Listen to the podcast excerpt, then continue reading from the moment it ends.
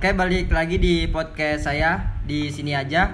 Selamat pagi, siang, sore, dan malam bagi kalian yang mendengarkan podcast ini. Jadi di sini saya nggak sendirian, ada dua teman saya yang menemani podcast kali ini. Baik, jadi bisa perkenalkan diri dulu. Ya, saya perkenalkan diri buat teman-teman semua. Nama saya Muhammad Prabu. Saya asli dari Penajam Pasir Utara. Saya bisa dibilang mahasiswa, masih bisa dibilang pelajar, tapi di sini saya setelah mendeokan diri saya dari kampus saya dan di sini saya ingin kembali melanjutkan pendidikan tinggi saya dengan mendaftar, mendaftar ulang, mendaftar kembali untuk meneruskan perjuangan saya dalam dunia pendidikan. Ya, sekian dari saya. Oke, perkenalkan nama saya Muhammad Rahman Al Gafiki. Biasa dipanggil sama teman-teman itu Bongkeng.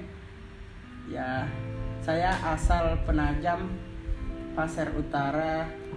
Saya sekarang mahasiswa. Nah, oke, jadi di podcast kali ini masih membahas tentang dunia pendidikan ya. Mungkin judul podcast kali ini ya ladang bisnis di dunia pendidikan di tengah pandemi.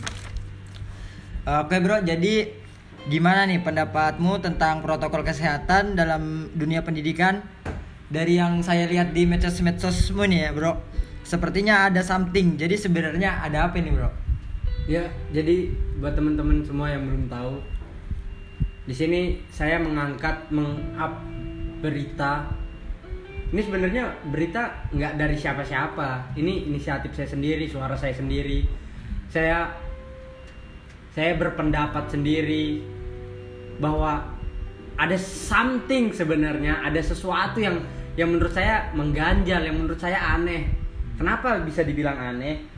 Karena ini karena saya merasakan sendiri, saya melakukannya, saya terlibat dalam hal ini dan saya sebagai saya merasa ada yang nggak adil yang dilakukan oleh pemerintah pada era pandemi ini, khususnya dalam bidang pendidikan. Nah, jadi dari sekian pak dari sekian banyak problem yang ada di dalam dunia pendidikan, salah satunya ya dalam penerimaan mahasiswa baru atau penerimaan siswa pelajar di sekolah-sekolah baru ini ada sesuatu. Ada sesuatu yang dijadikan ladang ladang bisnis yang menguntungkan menguntungkan hanya sebagian pihak hanya sebagian orang. Yaitu nah tapi di sini di sini saya bahas tentang penerimaan calon mahasiswa baru dengan jalur SBMPTN dengan jalur UTBK ini bukan suara saya sendiri. Jadi saya sempat sem- sempat dapat dapat dapat pertanyaan dapat dapat pertanyaan dari teman-teman dari adik-adik saya. Ya. kenapa? Kenapa kok bisa ada peraturan yang yang mereka rasa itu sangat membebankan sangat memberatkan teman-teman rekan-rekan adik-adik yang ingin melanjutkan pendidikannya? Di sini yang memberatkan adalah bahwa adanya peraturan protokol kesehatan yang dijalankan oleh pemerintah oleh negara Ya. yang berbayar yang dibebankan mandiri terhadap teman-teman adik-adik yang ingin melanjutkan pendidikannya Pendidikan. ke jenjang yang lebih tinggi. Ya, Salah satunya ya, salah satunya yaitu rapid test. Ini yang mau saya bahas. masalah rapid test ya. Ya, jadi kenapa masalah rapid test? Jadi di rapid test ini kami, saya sendiri pun rekan-rekan teman-teman adik-adik saya yang ingin melanjutkan pendidikan di jenjang perguruan tinggi melalui jalur SBM ini, melalui jalur tes ini diwajibkan membawa surat hasil membawa diwajibkan membawa surat hasil rapid. Yang di mana tes rapid ini dibebankan mandiri kepada setiap peserta. Dibebankan mandiri kepada setiap peserta yang mengikuti, mengikuti UTBK. tes. Kenapa bisa? Sedangkan UTBK sendiri di situ kita sudah berbayar loh. Ini agenda ini agenda tahunan pemerintah ini agenda tahunan negara yang setiap tahunnya selalu diagendakan yang setiap tahunnya selalu ada anggaran dananya dan kita juga UTBK ini udah bayar kita sudah bayar yang seingat saya saya bayar 150.000 ribu Terus 50 ribu ya Ya. Kalau tahun-tahun kemarinnya di atas di atas 150 ribu ini. Nah, maksud saya seperti ini.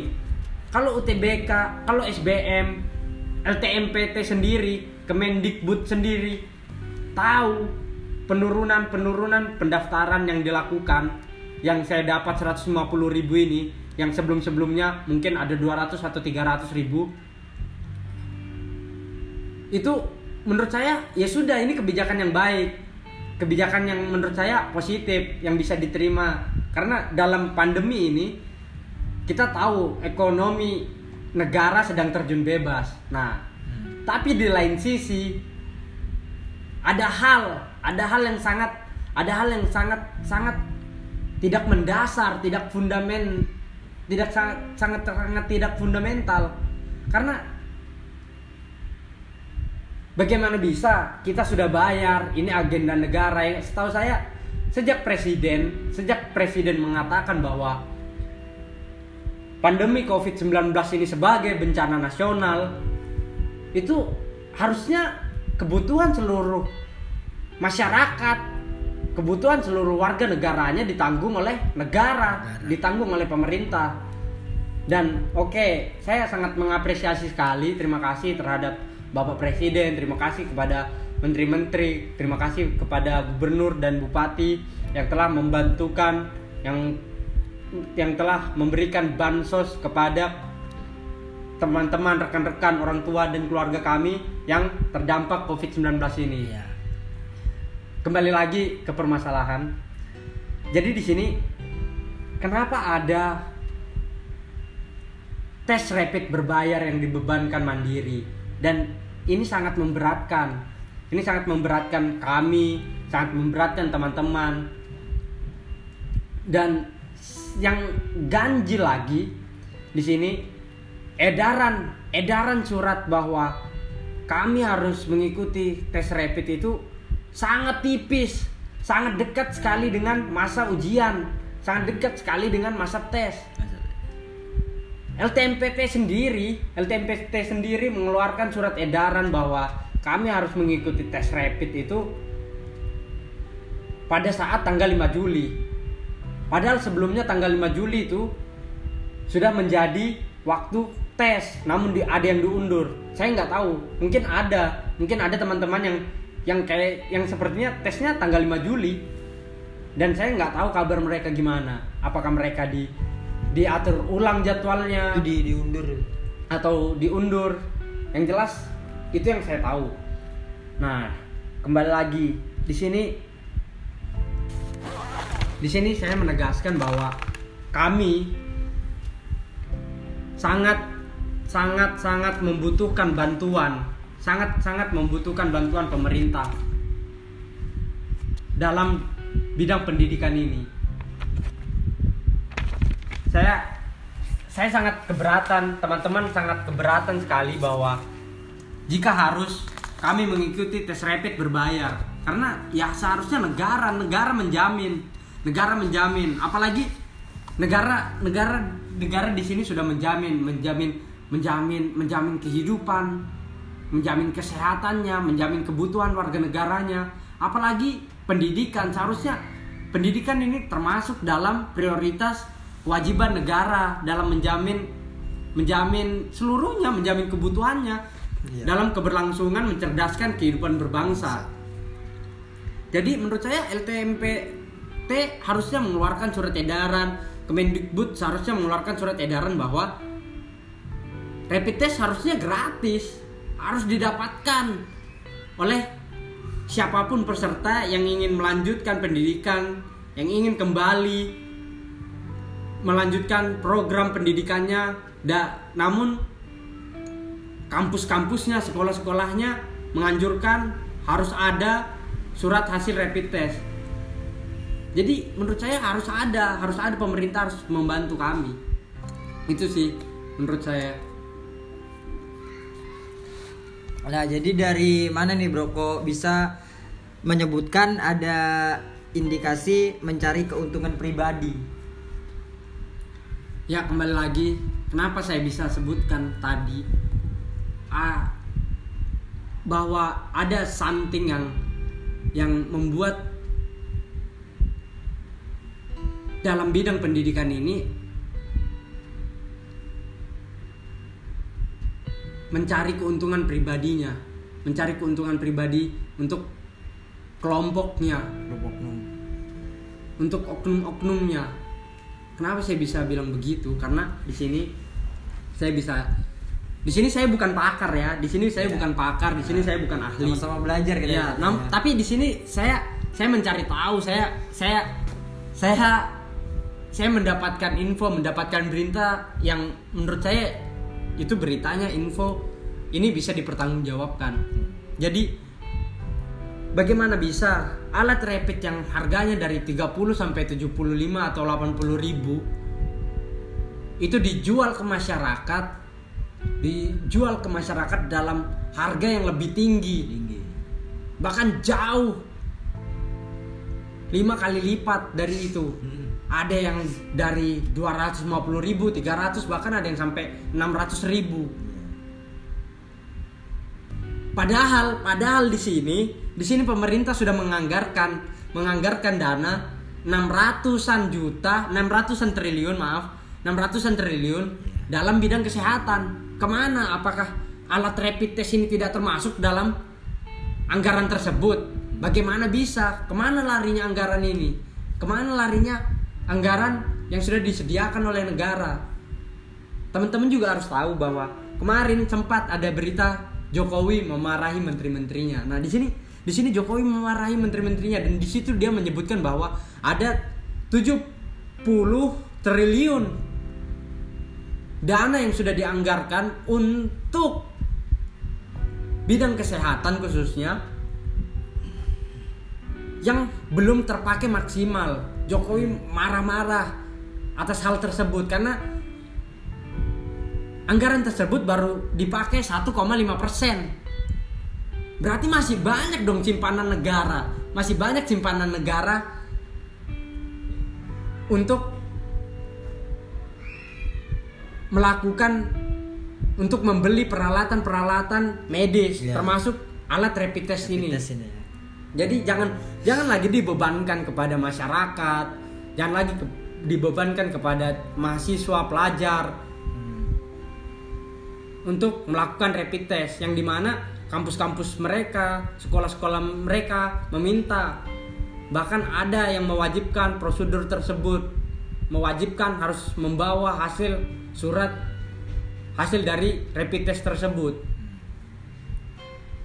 itu menurut saya Jadi seharusnya peran pemerintah atau solusi yang harus dikeluarin pemerintah menurutmu gimana nih bro?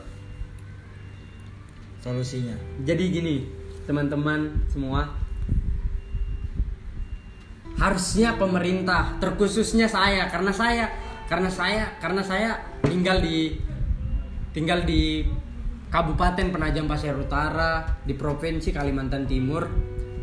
Bapak Bupati, saya mohon sekali, saya mohon untuk membantu kami karena banyak teman-teman kami yang ini bukan bukan untuk calon mahasiswa aja, bukan Iya, untuk teman-teman yang mau sekolah aja, yang mau mendaftar.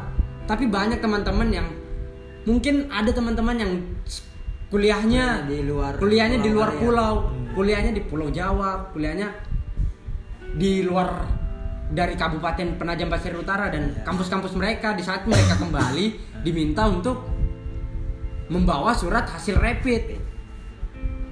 Sedangkan di sini rapid berbayar. Jadi saya mohon lah, kalaupun negara tidak bisa menjamin menjamin menjamin kami menjamin kami untuk untuk untuk mendapat subsidi atau atau bantuan dalam hal rapid test ini saya mohon sekali Bapak Bupati saya yakin karena Bapak Bupati juga di situ termasuk dalam gugus tugas dalam penanganan COVID-19 ini.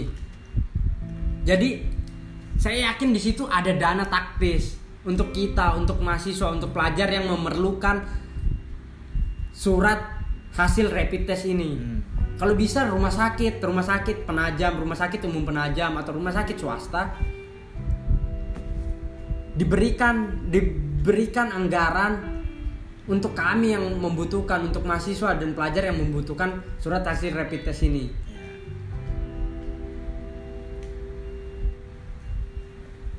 Ya. Terima kasih sebelumnya dan mungkin itu aja yang bisa saya sampaikan. Yang jelas saya mohon bantuan kepada pemerintah untuk melanjutkan untuk untuk bukan melanjutkan Pak, mohon maaf. Maksudnya untuk memberikan kami bantuan memberikan kami bantuan agar kami tidak terbebani orang tua kami terlalu terbebani kami tidak Iya. ingin tidak ingin pendidikan yang ada di negara ini dijadikan ladang bisnis, bisnis. dijadikan komersialisasi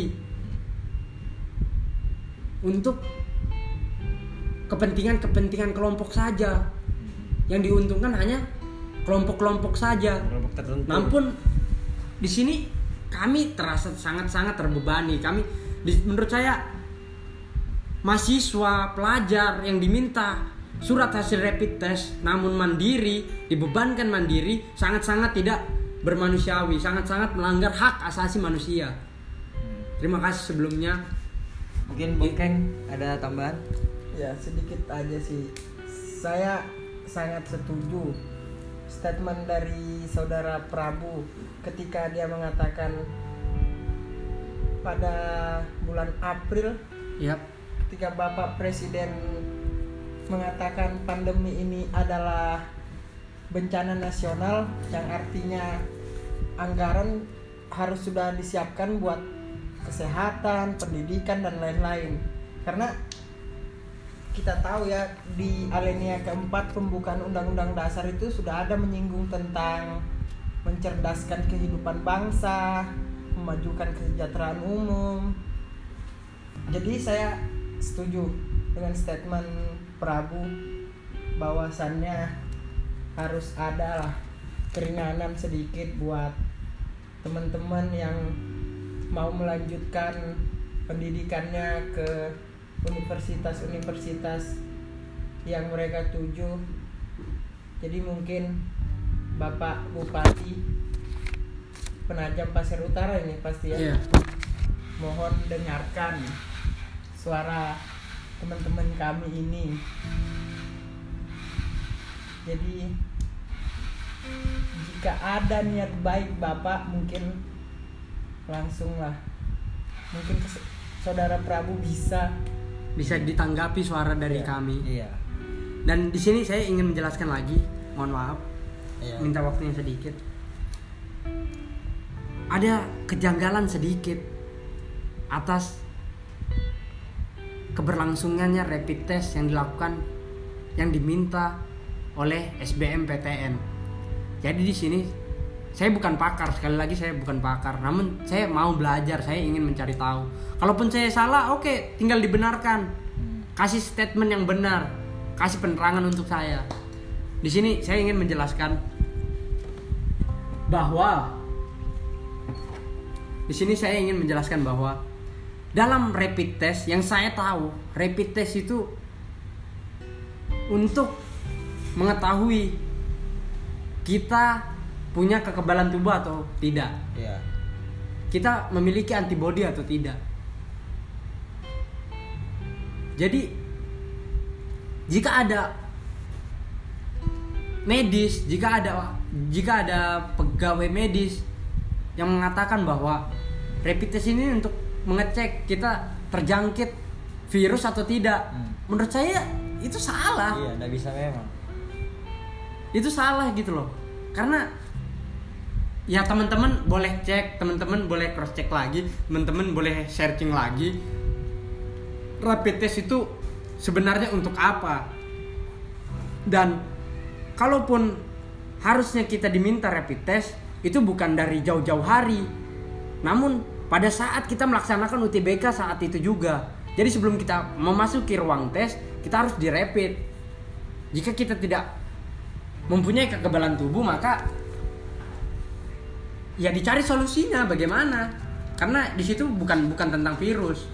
Dan di sini juga saya ingin menjelaskan bahwa kalaupun kami sudah melakukan tes rapid jauh-jauh hari dan membawa surat keterangan surat surat hasil rapid test pada saat hari H kami melakukan ujian di situ kami dicek suhu badan jika suhu badan kami di atas 37 derajat di situ kami tidak diperbolehkan masuk di situ kami tidak diperbolehkan masuk Itu- untuk itu- mengikuti itu sudah ada aturan tetapnya di situ di di LTMPT sendiri sudah mengatakan bahwa dalam 30 di atas 37 derajat suhu tubuh Hmm. peserta tidak boleh mengikuti tes. artinya rapid test itu bakalan sia-sia Ya, jadi sangat kontradiktif sekali kebijakan-kebijakan ini. Ha- Kalau ingin memang ingin mengecek kita terjangkit virus atau tidak, ya pada hari itu juga dilakukan swab, dilakukan tes rapid, dilakukan PCR. Karena tes rapid ini hanya hanya hanya melihat kita mempunyai kekebalan tubuh atau tidak Iya. gitu loh. Kenapa di sini saya kembali tegaskan kenapa ini dijadikan ladang bisnis karena jika kita mengikuti rapid test berbayar mandiri, kembali lagi kita masuk cek suhu badan. Pada saat cek suhu badan, suhu badan salah satu peserta atau mungkin saya sendiri di atas 37 derajat. Maka saya dialihkan LTMPT menegaskan bahwa di situ di surat edaran yang dikeluarkan pada tanggal 5 Juli kemarin menegaskan bahwa peserta wajib mengikuti swab. Namun di situ tidak dijelaskan siapa yang membayar swab. Siapa yang membayar PCR. Hmm. Apakah lagi dibebankan mandiri oleh peserta? Sedangkan biayanya tuh mahal. ya. Sedangkan kita tahu biaya swab itu lebih mahal dari rapid, biaya PCR lebih mahal dari rapid. Makanya di sini di sini letak kejanggalan, di sini letak letak di mana bahwa ada sesuatu, ada something yang ingin mencari keuntungan dalam dunia pendidikan ini. Ini sangat sangat sangat sangat tidak berpancasila. Saya mohon sekali untuk Kementerian Pendidikan dan Budaya Pak Nadim. Hmm. Saya tahu Pak Nadim lulusan dari lulusan sekolah tinggi, lulusan bisnis. Tapi jangan dijadikan pendidikan di Indonesia ini sebagai ladang bisnis juga. Karena kebijakan-kebijakan seperti ini sangat merugikan. Sangat merugikan rakyat, sangat merugikan kami, apalagi kami, apalagi teman-teman yang mungkin kurang mungkin mungkin kurang mungkin kurang mampu. Saya saya yakin Pak Nadiem mengatakan bahwa adanya kampus merdeka. Siapa sebenarnya yang dimerdekakan? Apakah ada hak-hak mahasiswa di situ yang yang yang yang ditanggung, yang ada kepastiannya dalam kampus merdeka tersebut? Karena saya tahu bahwa banyak banyak sekali kakak-kakak tingkat saya, kakak-kakak tingkat saya yang mendapat diskriminasi pada saat pada saat melakukan diskusi, pada saat melakukan pembahasan-pembahasan akademis di dalam ruang-ruang kampus seharusnya tidak boleh ada pembubaran, tidak boleh ada pemaksaan untuk dibubarkan. Namun di kampus Merdeka saya lihat kebijakan hanya ada peraturan-peraturan tentang kebijakan-kebijakan kampus. Jadi sebenarnya bukan kampus Merdeka namanya, tapi kebijakan kampus Merdeka. Karena kalau jika mengatakan kampus Merdeka maka seharusnya universal. Seharusnya semuanya mahasiswa juga termasuk dalam situ. terima kasih sebelumnya sekian dari saya Ya mungkin itu tadi ya suara-suara dari Bongkeng maupun Prabu tentang pendidikan di tengah pandemi ini ya. Nah, jadi pekerjaan rumah kita dalam meningkatkan kualitas pendidikan nasional ini memang masih banyak.